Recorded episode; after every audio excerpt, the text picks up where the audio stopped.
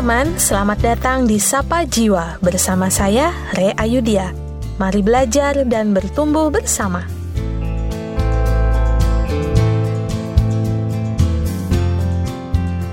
Di episode kali ini, kita akan belajar bersama mengenai topik perselingkuhan. Adakah di antara teman-teman yang pernah mengalami diselingkuhi oleh pasangan? Atau mungkin kalian sendiri yang sedang berselingkuh? Nah, sebenarnya apa sih perselingkuhan itu? Kira-kira sejauh mana ya batasannya seseorang sudah dikategorikan sedang berselingkuh? Dan rupanya perselingkuhan itu ada jenis-jenisnya juga loh teman-teman. Nah, untuk mendapatkan jawaban dan penjelasannya, yuk kita dengarkan bersama-sama bahasan kali ini. Selamat mendengarkan.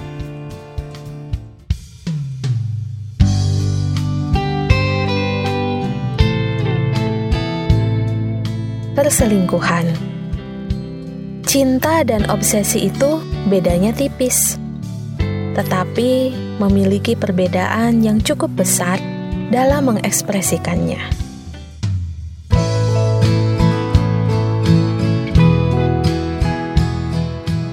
Apa sih sebenarnya perselingkuhan itu? Jika dirangkum dari berbagai sumber, perselingkuhan adalah perilaku yang di dalamnya ada kebohongan, kecurangan, pelanggaran kesetiaan, pelanggaran rasa percaya, hubungan seksual, dan hubungan emosional, atau hubungan emosional dengan orang lain selain dengan pasangan utama, yang jika diketahui, pasangan utama tidak akan menyetujui dan tidak akan menerima. Perselingkuhan juga dianggap sebagai pelanggaran komitmen terhadap pasangan utama. Jadi, Ketika seseorang sudah melakukan hal-hal tersebut terhadap pasangan utamanya, maka dia sudah dikategorikan sedang berselingkuh. Ada yang mengatakan perselingkuhan fisik jauh lebih mudah diakhiri daripada perselingkuhan emosional. Betulkah demikian? Menurut penelitian, baik laki-laki maupun perempuan, keduanya memiliki proporsi yang sama untuk terlibat dalam perselingkuhan fisik maupun perselingkuhan emosional. Perselingkuhan secara fisik adalah perselingkuhan physically yang dilakukan tanpa melibatkan sisi emosional, seperti hubungan seks yang dilakukan hanya untuk memuaskan diri semata. Sedangkan perselingkuhan secara emosional yaitu perselingkuhan yang melibatkan sisi emosi yang terjadi sejak di dalam pikiran dan melibatkan perasaan, sekalipun mungkin tidak terjadi kontak fisik. Perselingkuhan emosional terjadi ketika ada rasa nyaman secara emosi. Misalnya karena merasa ada yang memperhatikan, merasa ada yang mempedulikan, merasa ada yang mau mendengarkan dan memahami, meskipun mungkin tidak terjadi sentuhan fisik. Kemungkinan anggapan bahwa perselingkuhan fisik lebih mudah diakhiri karena jenis perselingkuhan fisik tidak melibatkan hati, sedangkan jenis perselingkuhan emosional sangat melibatkan hati.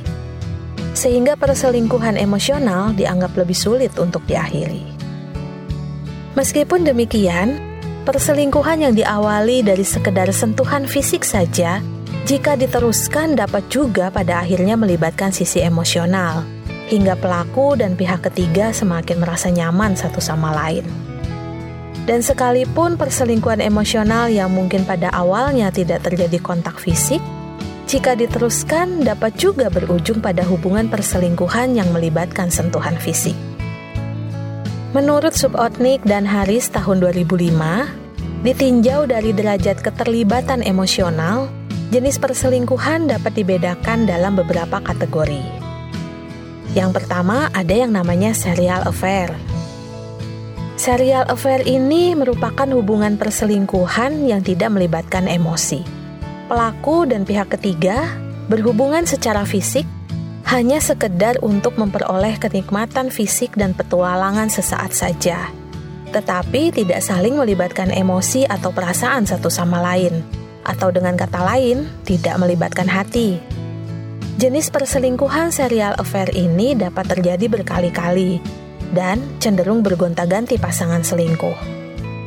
Meskipun jenis perselingkuhan ini dianggap lebih mudah diakhiri, karena tidak melibatkan sisi emosional, tetapi jenis perselingkuhan ini tetap membahayakan. Salah satunya beresiko menularkan penyakit seksual. Yang kedua, ada yang namanya flings. Flings ini merupakan hubungan perselingkuhan yang berupa perselingkuhan semalam atau beberapa waktu saja, dan hanya dilakukan satu kali saja.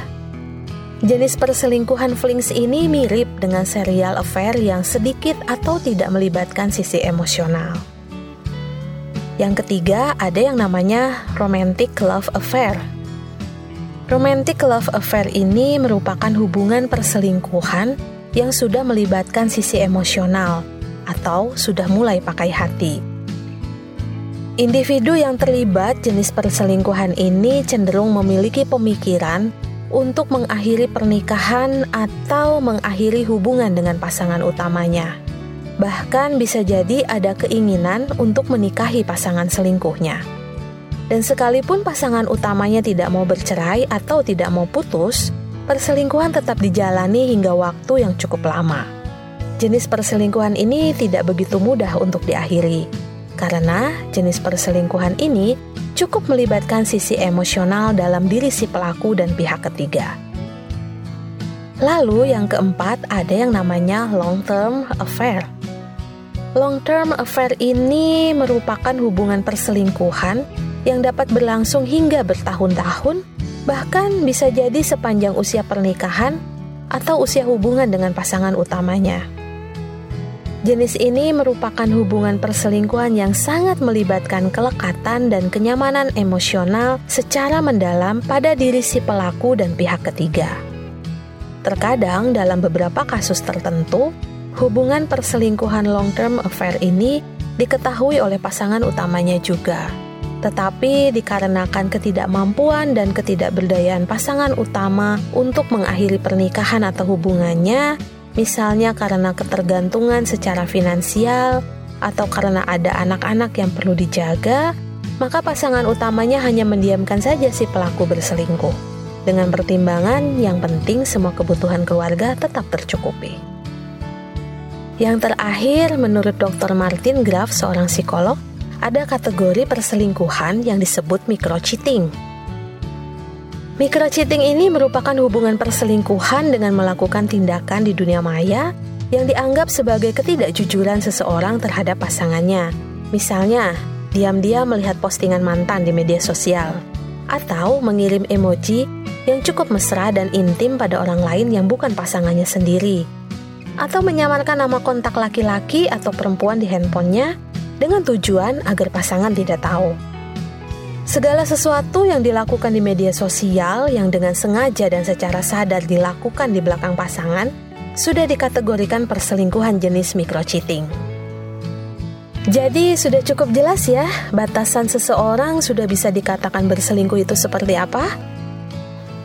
Jika merujuk pada berbagai penelitian dan sumber literatur tersebut, perselingkuhan itu tidak harus menunggu hingga terjadi hubungan seksual dulu baru seseorang dikatakan berselingkuh. Karena rupanya selama seseorang melakukan kebohongan atau kecurangan di belakang pasangannya, yang jika diketahui pasangan utamanya tidak akan menyetujui atau bisa jadi marah, maka itu sudah dapat dikategorikan sebagai perselingkuhan.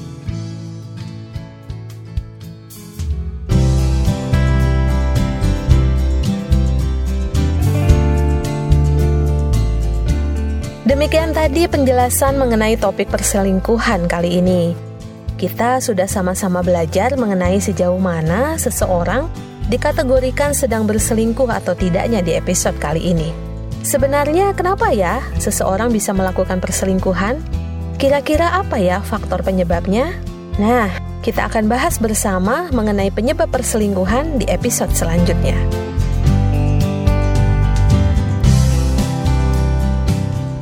Terima kasih bagi teman-teman yang sudah mendengarkan episode ini. Semoga bermanfaat ya. Sampai jumpa lagi di episode selanjutnya.